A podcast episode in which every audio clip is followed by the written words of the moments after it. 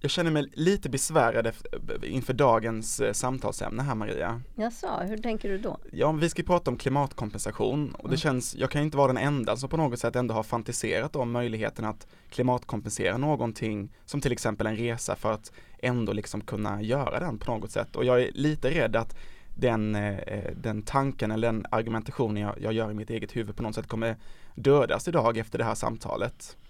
Ja, jag är ju också rädd för det. Men du är inte ensam Isak, du är inte ensam. Nej, jag är nog inte där va? Eh, för eh, det var ett tag sedan jag insåg att jag inte kunde till exempel klimatkompensera som ett sorts avlatsbrev för att kunna resa. Men det var ju det är ändå så att jag fortfarande lockas liksom av att köpa saker Mm. som där det heter att det är netto noll eh, utsläpp eller där det. det. där det sker en klimatkompensation. Och, och, ehm, och, på ett sätt kan jag tycka att men det är väl bra liksom att det är så lite av utsläpp som möjligt. Men det är ju inte så bra om jag ha- handlar den där grejen fast jag egentligen inte behövde den. Nej, just det. Ja. Oavsett kompensation eller inte. Ja. Och det här är ju egentligen jag tycker den här frågan symboliserar en mycket större fråga. Det Mm. verkar liksom som om krismedvetandet kring klimatet håller på att öka just nu. Eh, Och vi inser att det inte duger att hålla på och dutta. Det, och det är det vi har gjort. Liksom. Det behövs rejäla transformationer. Mm. Ehm, och, med, och så ser man mer och mer liksom kritik mot eh, eh, till exempel regeringar och företag som har jättefina mål på olika sätt. Och, det, och så Just det, låter de det, är så bra. fantastiska på papper. Ja, och sen eh, visar det sig eh, att, eh, ja, att det inte egentligen sker så himla mycket förändringar när det gäller utsläppsminskningar. Det var en studie nyligen som visade att det gäller i hög grad internationella börsnoterade företag. Och vi ser också, precis nu har FN konstaterat att globalt så funkar det inte heller riktigt som det ska utan eh, nationer och stater har, om de har höga mål ja, så är de inte tillräckligt höga. Och även om de är tillräckligt höga, eller de mål man har överhuvudtaget, levererar man inte, eller det ser i alla fall inte ut som om man faktiskt eh, ja, håller en kurs som man behöver för att klara sina mål. Och det här är ju himla oroväckande. Bland mina forskarkompisar så ser jag en allt större frustration över vad, Mm. man, vad man skulle kunna kalla för låtsaslösningar av olika slag. Det, det är ännu en gång en, en dyster bild du målar ut. Ja, usch ja. Ja, Men vi får väl se om det tar sig under det här, ja vi får verkligen se det det. samtalet. Vi ska ja. prata om klimatkompensation och vi kanske ska börja absolut med, med att liksom reda ut den här termen och allting sådär så att vi Mm. liksom värmer upp våra lyssnare exakt Mm. eh, vad det är som det här eh, samtalet och avsnittet då ska handla om. Så vi säger välkomna till dagens avsnitt, så kör vi en jingle på det.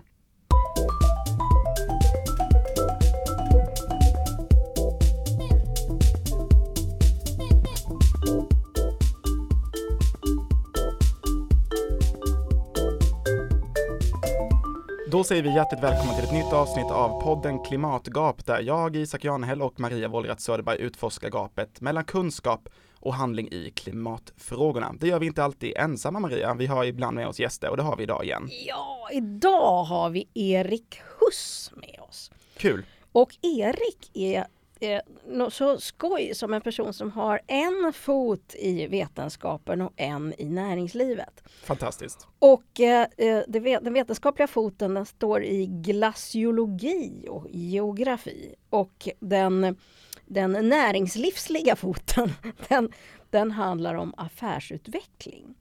Och Erik har funderat väldigt mycket kring det här med klimatkompensation. Så han är helt rätt person att prata med detta om kan man säga. Och jag ska börja med att säga hjärtligt välkommen Erik till, eh, till podden. Tack så jättemycket hörni. Min första följdfråga på detta blir på något sätt att på vilken fot står du tyngst nu i den här klimatkompensationsfrågan? Är det näringslivet eller är det klimatforskningen?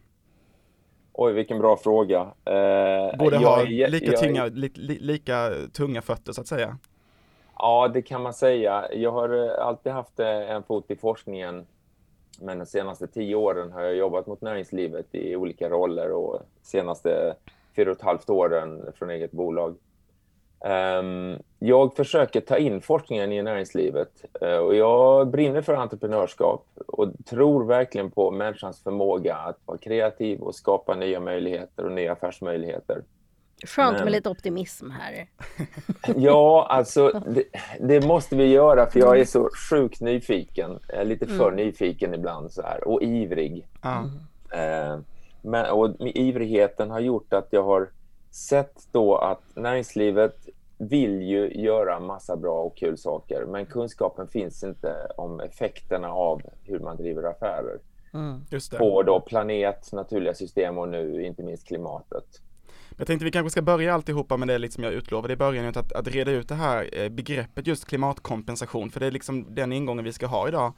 Eh, jag tänkte Erik, om jag bara lämna ordet till dig att förklara för eh, lyssnarna vad exakt det innebär med klimatkompensation och hur eh, vi använder oss av den här metoden idag. Ja, jättebra fråga. Klimatkompensation eller carbon offsetting som det heter på engelska. Det handlar om att man försöker beräkna hur mycket utsläpp en verksamhet gör, antingen med transporter, flyg eller produktion eller, eller energi. Och så då ser man hur mycket kol behöver vi ta bort från den här verksamheten. Och då kan man räkna på till exempel trädplantering då. Eh, ett träd, men ett träd som väger ett ton eh, består av hälften vatten, hälften kol. Så när trädet har växt upp, då om det har tagit 50 år eller någonting, då har det sugit upp ett halvt ton med kol. Eh, och det här försöker man då multiplicera. Du kan också ta undan kol från atmosfären via carbon capture storage. Tekniker, det finns, eh, man tar koldioxid från luften och trycker ner i berggrunden. Eh, det är ett sätt att göra geologisk inlagring och den är ju, kan vara permanent eh, om allting går bra. Medan kompensation i vegetation. Vegetation kan ju torka, huggas ner eller brinna upp eller, eller blir utsatt för värmestress genom att temperaturen stiger och då försvinner ju det, det man har betalt för, då försvinner ju den kolen upp i atmosfären igen. Så den är alltså inte permanent, men mycket av den kompensation som sker är via träd och planteringar. Eh, det finns också naturligtvis investeringar i förnybar energi och då om man bygger sol eller vindkraft till exempel, då det är ju ren energi eh, som bara släpper ut lite grann när man producerar kraftverken eller solcellerna. Men sen är den ren. Eh, men den adderar ju energikapacitet. Den tar ju inte per definition bort kol från luften som vi behöver göra. Men idén är då alltså helt enkelt att de utsläpp som vi gör i en del av världen kan vi på något sätt eh, kompensera för genom att till exempel plantera träd som kan fånga upp den, eh, den, det, koldioxidutsläppet liksom, som det här beteendet då har legat till grund för. Stämmer det? Så är ju teorin bakom och hela affärsmodellen bakom carbon offsetting mm. eller klimatkompensation. Att jag flyger till New York. Eh, det släpper ut ungefär två ton eh, koldioxid tur och tur och det är, det är alltså två års budgetar för varje person. Vi, vi har råd att släppa ut en, ett ton per person globalt om vi ska klara Parisavtalet. Då släpper vi ut två års budgetar. Men då tänker man om jag planterar träd så kommer de här ta upp den här koldioxiden. Problemet är bara att vi har släppt ut eh, flera tusen miljarder ton koldioxid redan och den, alla de investeringar vi gör nu, de behövs för att ta upp historiska utsläpp. Så eh, själva budgeten går inte ihop. Nej. Och det här bilden du gav just för en flyga till, till New York, det kanske liksom på något sätt för mig där jag känner mig mest eh, liksom igenkänningsfaktorn är störst egentligen när det kommer till klimatkompensation, alltså att man kompenserar för sin flygresa. Men man, vi använder den här metoden på massa eh, andra sätt också och inte bara privatpersoner. Kan du ge en liten bild av hur klimatkompensation används idag och av vilka? Klimatkompensation används eh, delvis av eh, privatpersoner, det stämmer. Man kan gå in och kompensera för sin flygresa eller bilresa eller energianvändning. Men det är mycket företag som mer och mer då, och företag är intresserade, allt mer intresserade av att engagera sig i klimatfrågan. Eh, problemet är att de har väldigt liten kunskap om biologi, ekosystem, Earth System Science, som hela den här vetenskapen kallas, där man då ser på de eh, planetära systemen och där ingår klimatsystemet. Och då när då, om man får ett erbjudande att men vet du, ni kan kompensera era affärsresor, då är det ju ett otroligt behändigt sätt att eh, på något sätt rena samvetet och att eh, i god tro att nej men vet du vad, vi neutraliserar det här så blir vi, om vi då dessutom överkompenserar så är vi klimatpositiva. Så då gör vi helt enkelt en tjänst för klimatet genom att köpa den här tjänsten av det här företaget? Ja, i, per definition är det lätt att tro så. Så det är en sak vad som händer rent fysikaliskt och historiskt i atmosfären eh, i de planetära systemen med kolcykeln. Sen så har du en beteendefråga här, hur man uppfattar den här marknadsföringen. Och det finns ett problem i det här sättet att resonera att det fungerar inte helt enkelt. De planteringar vi gör, jag menar, naturens kapacitet idag är att den kan ta upp ungefär hälften av våra utsläpp. Vi släpper ut mellan 41 och 42 miljarder ton kol varje år, alltså människans aktiviteter. Mest från fossilindustrin men även från markanvändning och jordbruk. Det här tas upp av vegetation och havet. Mycket hamnar i havet. Men hälften stannar kvar i atmosfären, alltså 20 miljarder ton. Och det vi planterar idag, eller de investeringar vi gör i nature-based solutions, som man talar om, naturbaserade lösningar, som att bevara urskog eller plantera träd, vegetation, behövs för att ta upp våra historiska utsläpp om vi ska ha en chans att klara klimatmålen. Därför finns det inget utrymme kvar att släppa ut och sen köpa sig fri eh, på olika sätt. Eh, och det här är ett eh, problem som jag har funderat på i flera år och diskuterat med forskare. Och nu till slut så var vi då väldigt många som insåg att nej, tiden är mogen för att börja prata om det här på riktigt. Så vi skrev en debattartikel i DN i lördags under Greta-helgen.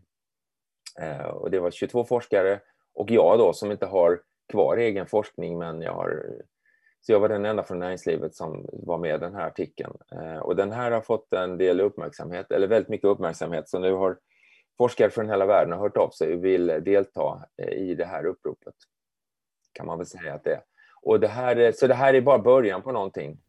Den 5 december ska vi säga att den där eh, debattartikeln publiceras i Dagens Nyheter då, alltså den du pratar om nu, bara för de som lyssnar lite i efterhand.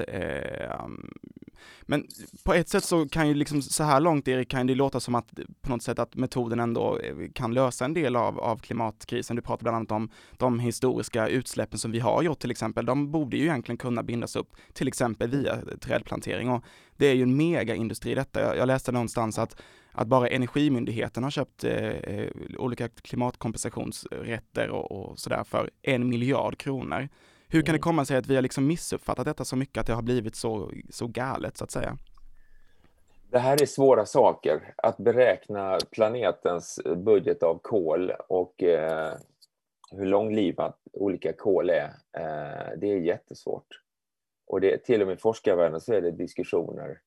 Men, men eh, så jag tror det är en missuppfattning som har spridits och det har gjort att det har skenat iväg och tro att man, vi kan ha, men Sverige ska nå netto noll då 2045 och globalt ska vara netto noll 2050. Det innebär att vi ska ta undan då, minska utsläppen, halvera utsläppen varje decennium och 2050 kommer det vara 5 miljarder ton kvar och det ska tas upp via carbon capture and storage och förändrad markanvändning. Kan du förklara det, termen netto noll bara för den som inte är helt belevad med de här termerna? Den används ja, flitigt i klimatdebatten. Netto noll innebär att du, du, du ska minska dina utsläpp så mycket som möjligt och det är många företag som verkligen har avsikter och försöker göra det så mycket som möjligt. Men det du inte kan minska, då köper du klimatkompensation och då kan du kalla dig net, vad heter det, koldioxidneutral till exempel. Det finns lite olika begrepp. Men du kan inte bli koldioxidneutral om du tar upp Eh, kol i den korta kolcykeln som är då vegetation som kan vara från tiotal till kanske drygt 100 år, den här cykeln. Medan det kol vi har släppt ut, det stannar ju kvar tusentals år i atmosfären. Ett exempel på det här är att, låt säga att du släpper ut 100 ton, eller vi släpper ut 41 miljarder ton, eller 42 miljarder ton varje år. Um, om 75 år, nej om 100 år så är fortfarande 75 procent av de här utsläppen kvar i atmosfären av koldioxid. Om 1000 år så är fortfarande 40 procent kvar. om 10 000 år, alltså in i nästa istid, om vi får någon, då är fortfarande 25 procent kvar. Och det här visar hur, vilken otrolig global warming potential, alltså eh, global uppvärmningsförmåga koldioxid har. Så den, eh, det är redan inbyggt i systemet, våra uppvärmningar. Så att vi, och vi kan inte, då, därför kan vi inte köpa oss fria genom att säga att vi klimatkompenserar. Så, och det här har jag diskuterat med flera företag och varje företag, både eh, vanligt företag inom resebranschen till exempel och även de som jobbar med klimatkompensation håller med om att, att vi måste hitta en ny term. Kanske tala om klimatinvesteringar eller klimatfinansiering för att att göra, investera i skog på rätt sätt som inte trycker undan jordbruk för fattiga, det kan vara bra om det görs på rätt sätt. Det finns ju massvis med projekt i världen där man, man binder jorden, erosionen minskar, man kan ha agroforestry, där man då planterar träd ganska glest som skuggar marken så kan man då odla på marken nedanför. Så idén i sig så att säga är inte helt felaktig så att säga? Nej, nej, nej, det finns, alltså intentionerna är fantastiska och många av de här som jobbar med de här frågorna är ju väldigt engagerade. Det är därför det är så svårt, så jag vill egentligen inte ha en polariserad debatt om det här utan nu går vi hand i hand, näringslivet med forskningen. Vi har bara missuppfattat frågan något låt oss då eh, omformulera. Va, va, vi kan inte kompensera oss ur, men vi kan fortfarande göra investeringar i trädplantering och förnybar energi som är jätteviktigt. Men vi får inte räkna av det från våra fossila utsläpp.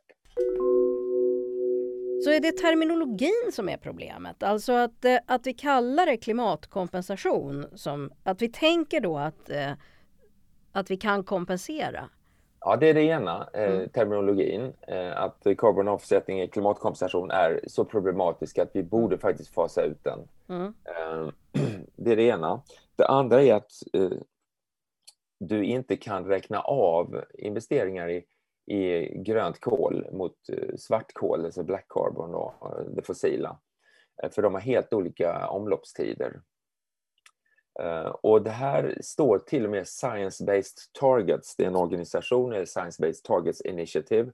Det är en global organisation som Världsnaturfonden står bakom. Och det är många stora eh, organisationer som står bakom det här initiativet. Och, det innebär, och där står specifikt att kompensation gör, ska räknas för sig och utsläppsminskningar för sig. Och till exempel eh, om man säger eh, undvikna utsläpp eh, som det innebär att då, om man då investerar i förnybar energi. Det ska inte heller kunna räknas av från, alltså du minskar inte dina utsläpp då, du adderar energikapacitet. På något sätt känns det som att eh, vi i västvärlden ännu en gång försöker köpa oss fri från massa andra typer av åtgärder som istället skulle komma, behöva komma till.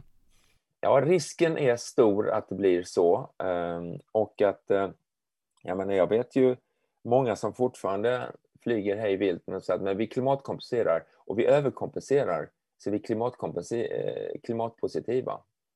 Men de utsläppen man har gjort, de fossila, de stannar kvar tusentals år i atmosfären.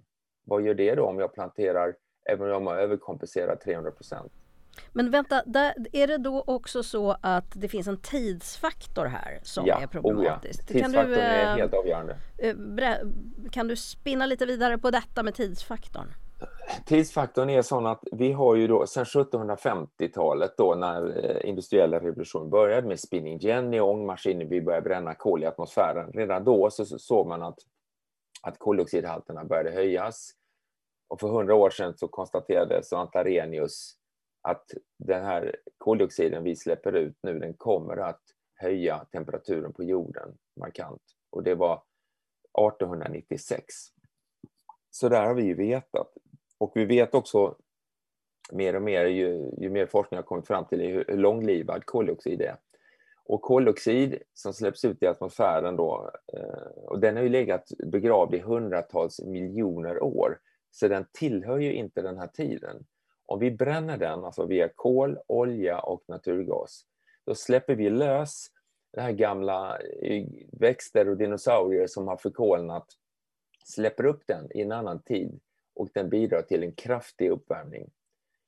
Um, och den stannar kvar tusentals år i atmosfären.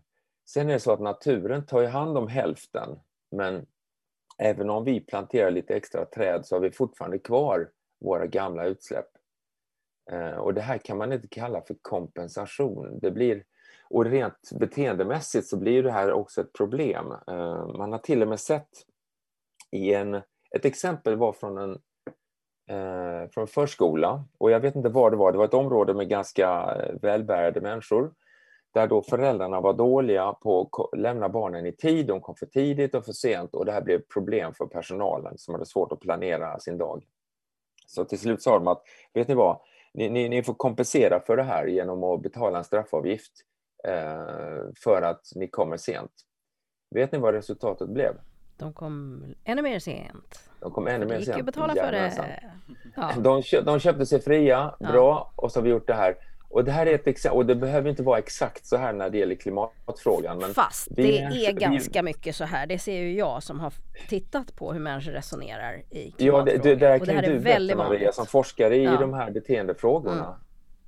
Det är väldigt vanligt att man tänker att eh, eh, Ja, dels att man kan klimatkompensera men annars att man gör det liksom lite privat på så vis att man eh, man skär ner på någonting eh, och så kan man göra mer av någonting annat. Det har vi tagit upp flera gånger i det här eh, eh, eh, i klimatgap. Till exempel det här fenomenet att man tänker att man kan källsortera sig till flygresor.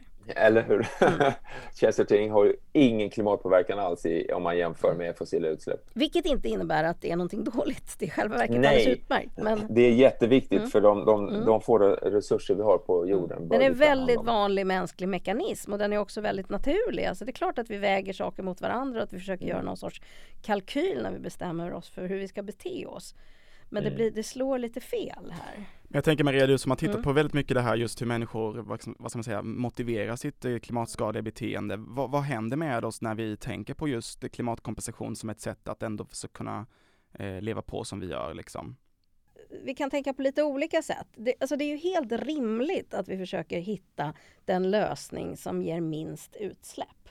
Och sen är det ju så att eh, det är väldigt svårt att och, och, och, och avvisa tanken att det, om det inte går, när det inte går att minska mer eh, för en viss produkt så är det väl aldrig fel att de också gör satsningar då eller som du kallar klimatinvesteringar. Erik, det i sig är ju liksom någonting jättepositivt så det är klart att jag gärna skulle, att jag väljer en sån lösning. Liksom. Mm. Men problemet blir ju också att vi har den här en jäkla konstig tankestruktur ofta som brukar ibland kallas för the negative footprint illusion som bygger på att vi, eh, vi tänker att vi gör något gott och som ger oss ett så att säga moraliskt plus. Eh, moral licensing talar man om ibland. Alltså så att har vi, köpt, har vi varit på en marknad och så har vi köpt e-, ekologiskt eh, närodlade produkter, ja men då har vi lite plus på vårt, på vårt godhetskonto så att säga. Och det har man sett att det tar man då gärna ut i någon utsvävning på andra sidan. På det gröna kortet så att säga. Ja, och det är en väldigt besvärlig mekanism. Eh, och egentligen så är det ju så att varje köp som inte hör till din nödvändiga det som är nödvändigt för din överlevnad är ett minus. Men så kan man, ska man ju helst välja små minus och inte stora minus. Men vi, räknar, vi tenderar att räkna det som ett plus.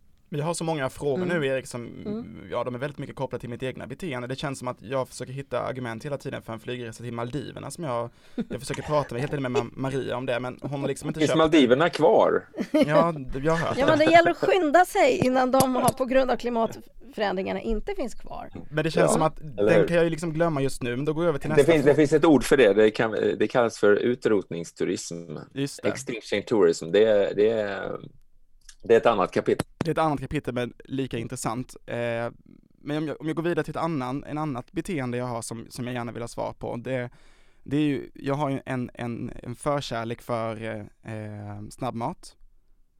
Och då går jag med nöje till ett ställe som dessutom serverar klimatpositiva hamburgare. Så jag mm. dessutom då kan, då gör jag ju liksom en klimatinsats, vilket då jag lägger på mitt gröna kort, så att säga. Mm. Eh, den typen av tänk så att säga som, som, som man kan ha. Eh, är det också helt felaktigt så att säga? Nej, eh, det, jag ska säga två saker. För det första kommer jag att tänka på när du berättar det här så finns, jag vet inte om ni har sett det här, uh, Uffe Lundqvist, en serietecknare som fanns i Galago i många år. Vi hade den på forskningsstationen i Tarfala. Han har, det finns en figur som heter Assar med stor röd näsa. Och egentligen alla har stora röda håriga näsor i den här serien. Men då, då är det en kille som står och käkar en stor sån här korvbricka med massa eh, slemmiga saker i. Och så kommer en tjej fram till honom och säger, men vad faro, käkar du, käkar du sånt här varje dag? Då svarar han, ja, men jag gör det i varje fall med, med dåligt samvete.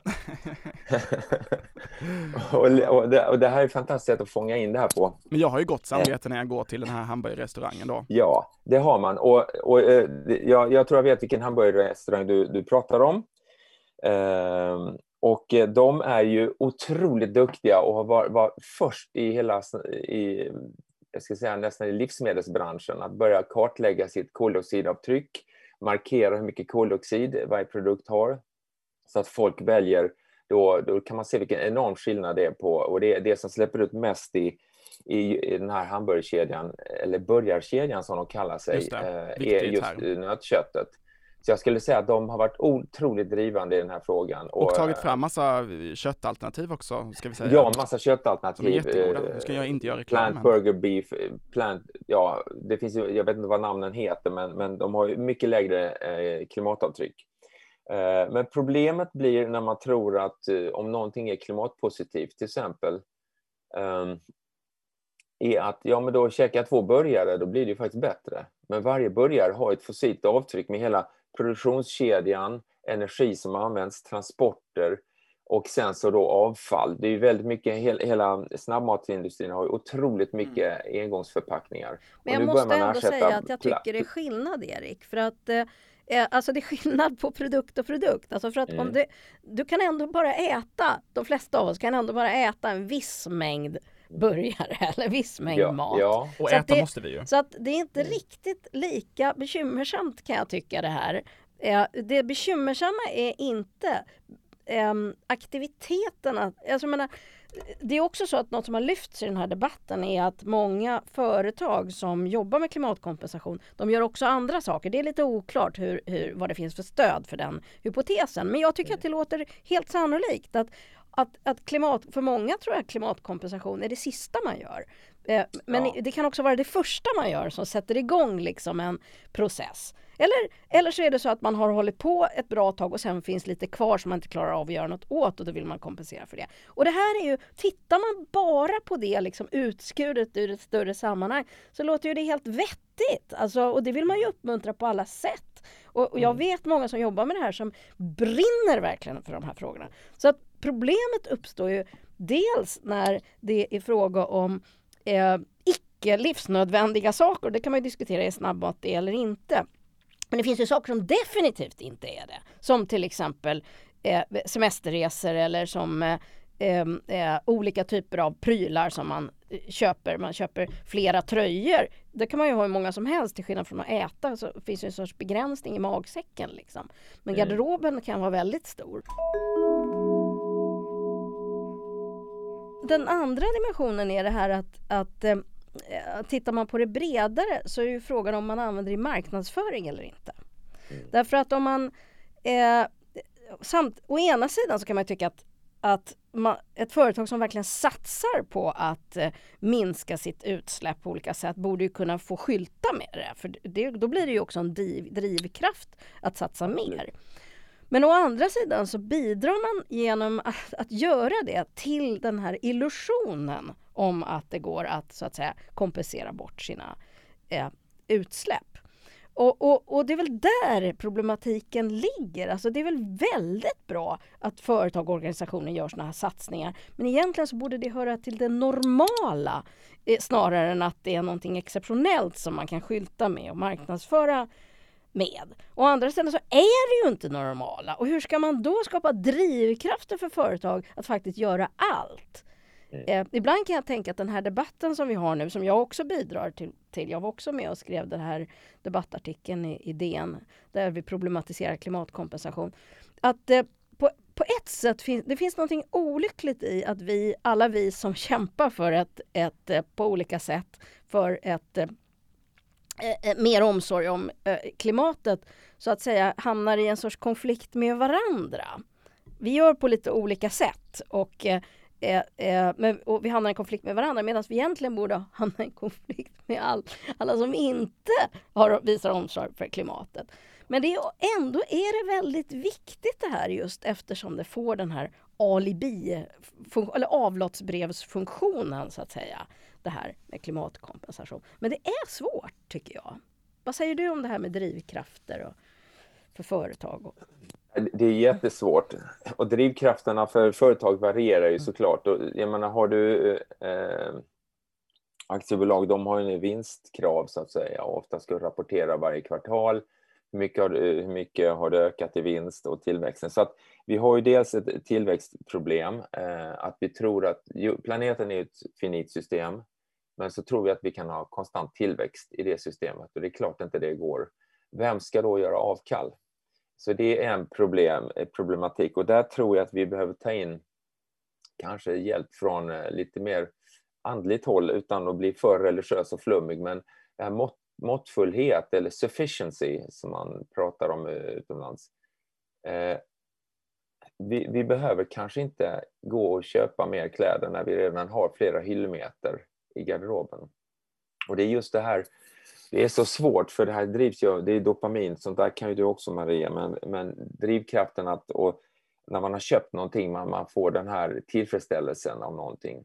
Och kan man då göra det med gott samvete och klimatkompensera sig ur, då minskar ju inte den här drivkraften att konsumera mer, vilket är det huvudsakliga vi behöver göra. Så att, därför är, blir eh, klimatkompensation eh, problematiskt för att den, eh, det blir en falsk lösning. Mm. Men visst är det så att vi ändå kan hylla de företag och organisationer som ändå gör vad man mm. kan för att minska sina klimat, eh, eh, sin klimatpåverkan? Och att Absolut. det är helt okej okay, kan jag tycka att man faktiskt också marknadsför sig utifrån det perspektivet. Problemet Absolut. är väl när man kombinerar det med den här begreppsapparaten som leder tankarna så vilse. Ja, det, det som jag kan tycka i det här, för jag menar eh, många av de här företagen, speciellt den här burgarkedjan, de är ju fantastiska. De är ju världsledande skulle jag säga inom eh, att jobba med klimatfrågan i, inom mm. eh, snabbmat. Eh, och eh, ska hyllas för det och de har fått priser för det. Och jag känner ju flera av de här personerna. Det är goda hamburgare också, bara en sån sak. Goda burgare dessutom. Nu blir det lite för mycket marknadsföring. Eh, ja, men jag går alltid på, på den här burgarkedjan utan att mm. nämna. Men vi har inte nämnt några namn. Nej, det har vi inte. Nej. Mm. Och, och, flera av andra bolag är, gör också fantastiskt mycket. Men det som jag tycker är problematiskt, jag har jobbat mycket med varumärke och marknadskommunikation eh, också. Och det gör att man försvagar sitt varumärke genom att prata om en lösning som faktiskt inte fungerar, klimatkompensation. Mm.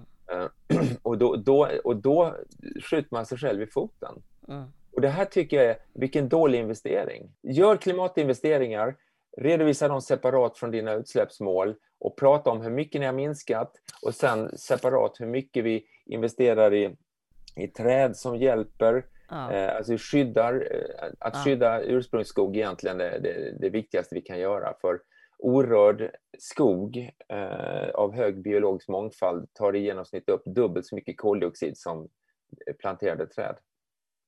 Och det här är någonting som inte många känner till. Så, så att, att skövla skog överhuvudtaget är, är fasansfullt. Ehm.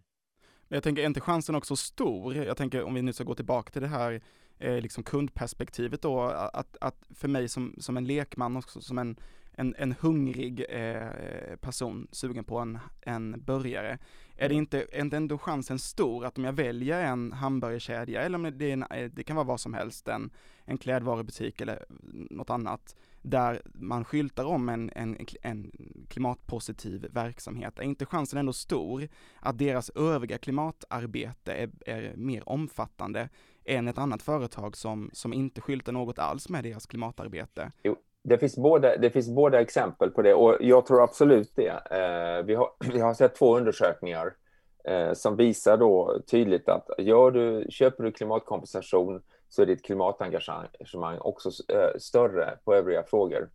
Um, och de här, i och för sig, de här undersökningarna är gjorda av bolag som lever på klimatkompensation.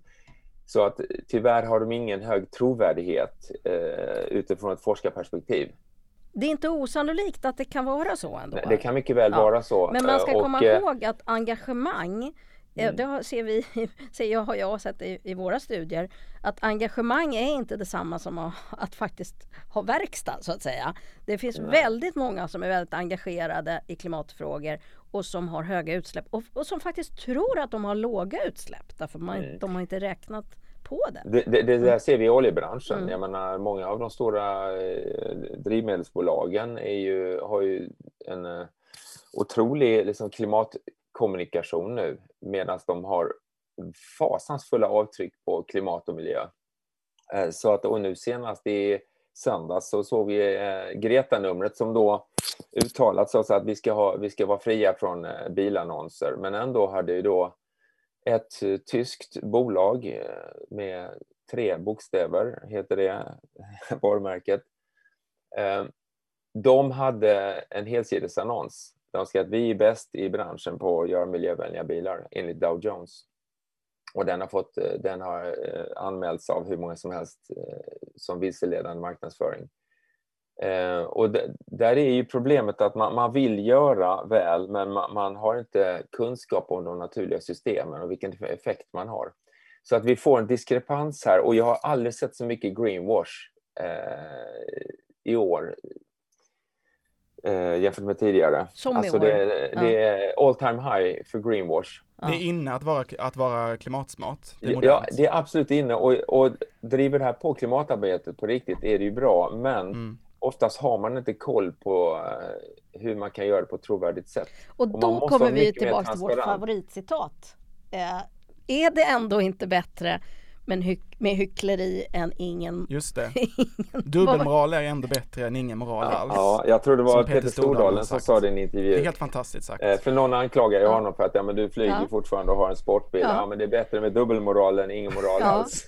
men hörni, jag har en känsla av att det faktiskt ändå kan vara det. Därför att det, mm. då är man ändå på väg. Men frågan är hur kommer man vidare? Vi får nog ha Peter Stordalen som ja. gäst i nästa podd tror jag så vi får reda ut det här begreppet en gång ja, för alla. Ja, jag tror att vi måste göra ja. det.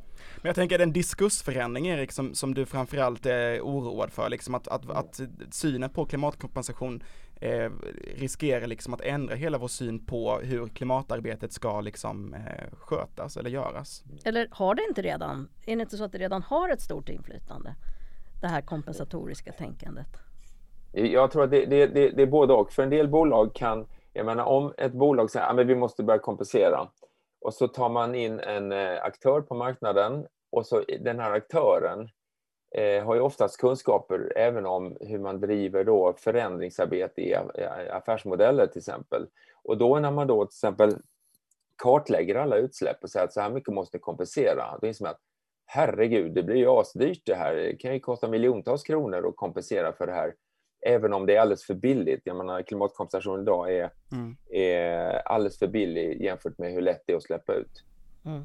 Um, och det gör att uh, man, man blir medveten om frågorna och börjar då inse att jag kan spara pengar. Jag behöver inte köpa lika mycket klimatkompensation om jag minskar utsläppen. Men är inte så det, det bra kan då? bli en drivkraft. Så, att, ja. så att absolut är det så att det här är kommunicerande kärl. Ja. Men det är problematiskt rent mm. om vi pratar om trovärdighet. För vi, det var en, han som startade 100-wattaren, en av de här stora reklamtävlingarna i Sverige. Han heter Mats Rönne. Och jag har enorm respekt för honom. Han, han sa till mig en gång, Erik, och det var när jag jobbade i näringslivet med varumärken. Erik, vi jobbar alla i samma bransch, sa han. Vad, vilken då? Ja, det är förtroendebranschen. Mm. Okej, okay, ja, och det, och det är precis, det här är extremt tydligt när det gäller klimatkompensation. För om du säger att du kan kompensera bort fossilt kol med grönt kol, då tappar du förtroende. Och, och, och, om vi då tappar förtroendet för klimatarbetet bland de här, många av de här bolagen som eh, jobbar med klimatkompensation, de är extremt progressiva i klimatfrågan.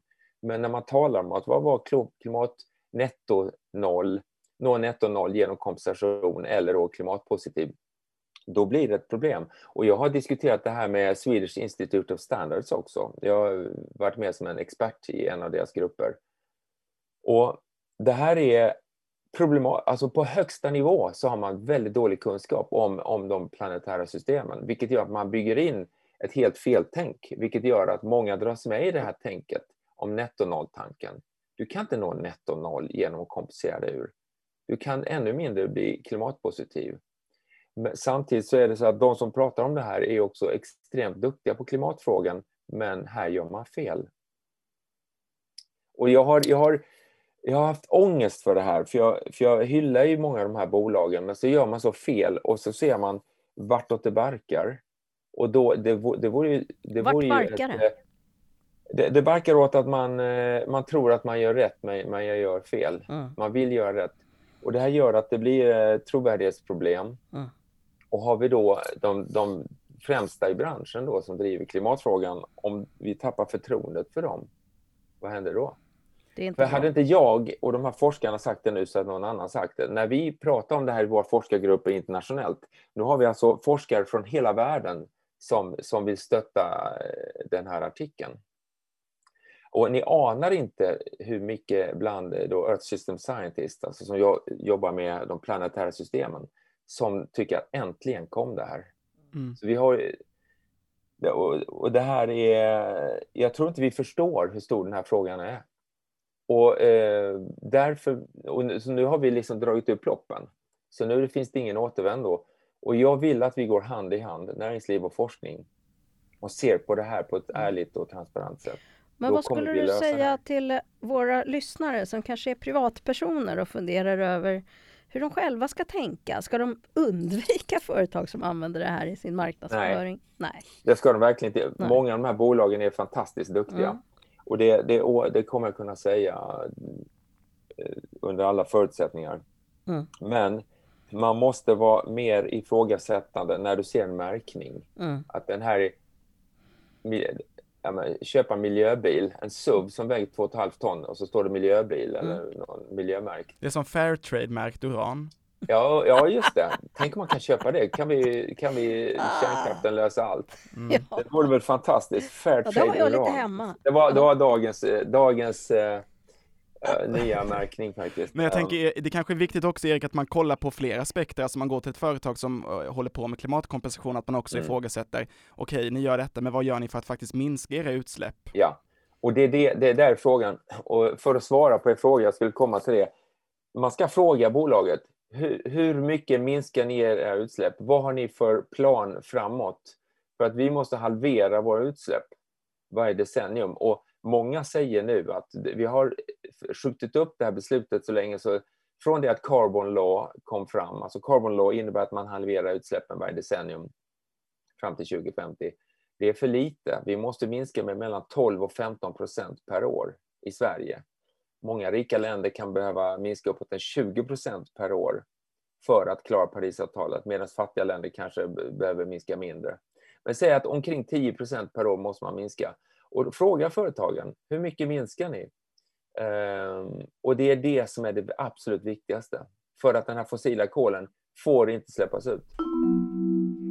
Men är det inte ändå steg ett för den vanliga konsumenten att förstå att eh, ingen konsumtion kan ge dig plus på klimatkontot?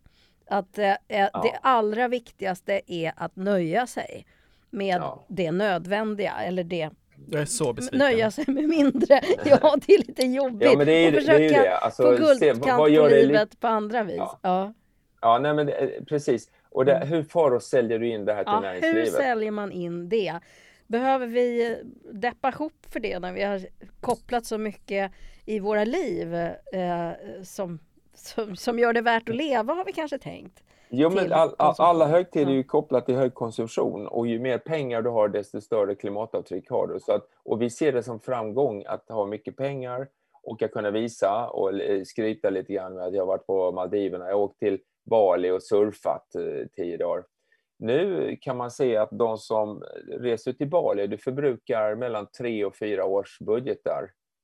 Eller om vi säger så här, om du reser till Bali för att surfa på en surf eh, tripp och så säg att du förbrukar då kanske tre, tre eller fyra års budgetar av din klimatbudget. Skulle du ta tre eller fyra av din årsinkomst i pengar för en sån resa. Nej, det är aldrig Då förstår vi hur vi måste tänka med Ja. planetens kolbudget.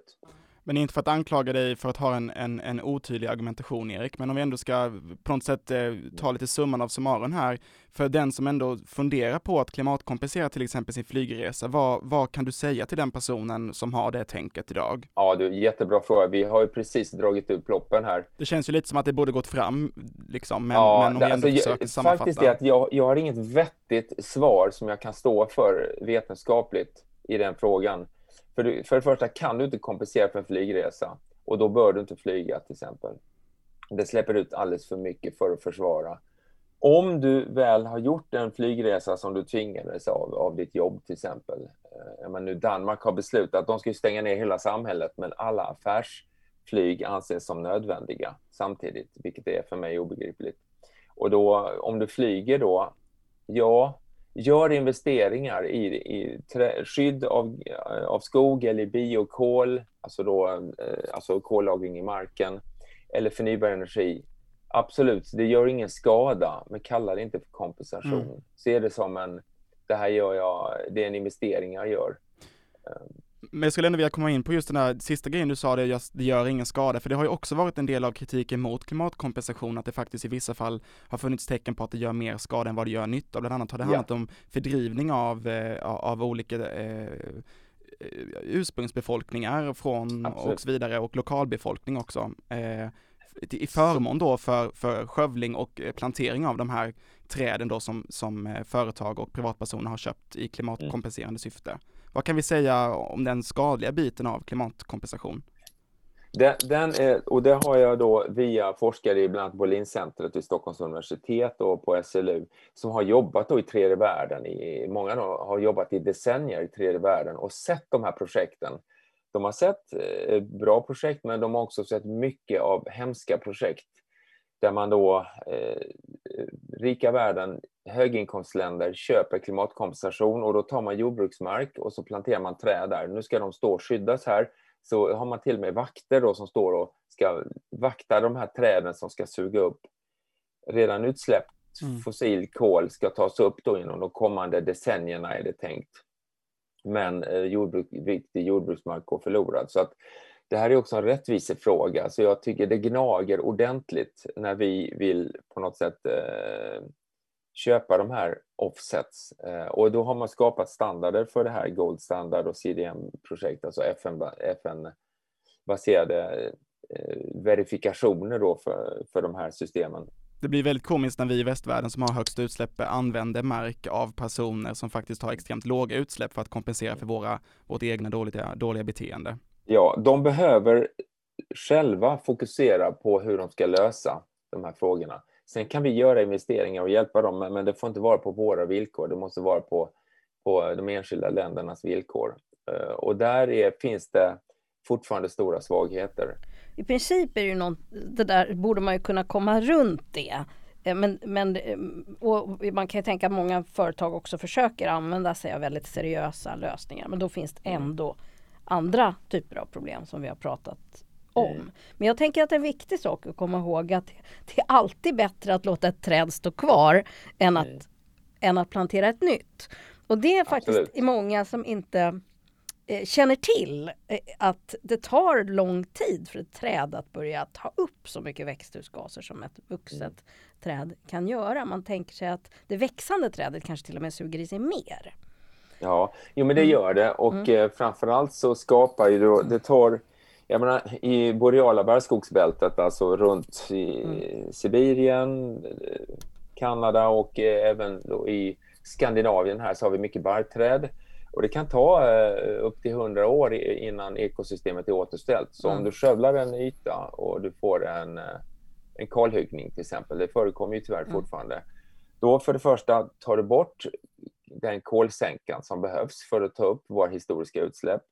Sen släpps det ut massvis med kol när, eh, när träden inte finns längre och du har läckage med då kväve och fosfor som försurar sjöar och vattendrag. Men du har också ett stort läckage av eh, organiskt kol som släpps ut i atmosfären. Så det bästa är låt träden stå. Eh, men så har vi en skogsindustri som lever på det här man tycker att det är det gröna guldet om vi då ska ta bort från... Ja, är det inte bort... det som ska rädda oss med alla biobränslen ja. och så? Och, och, det här, och i, i liten skala, ja. om du då tar ens, enskilda träd och eh, använder som virke till exempel. Men bränner du upp det här i form av biobränslen, då får du ett, får du ett stort problem. Då, då, det är inte lösningen så att säga. Och det här är en annan fråga, men det har ju ja. Den får vi ta i ett annat eh, avsnitt. Det brukar bli så Erik att, ja. att, att det öppnar upp här i slutet för, för flera avsnitt, vilket är väldigt trevligt. Vi har säkert ja. anledning att återkomma till dig eh, vid flera tillfällen. Mm. Vi skulle kunna avsluta dagens podd helt enkelt då med att säga att den klimatkompenserade flygresan är inte årets julklapp. Håller du med om det Erik? Ja, det håller jag med om. Eh, det, det går, det, det var en jättebra avslutning. Ja. Eh, håller med om. Tack så jättemycket för att du var med i Klimatgap och pratade om, om klimatkompensation, Erik Huss alltså. Tack så mycket själva. Och god jul på dig.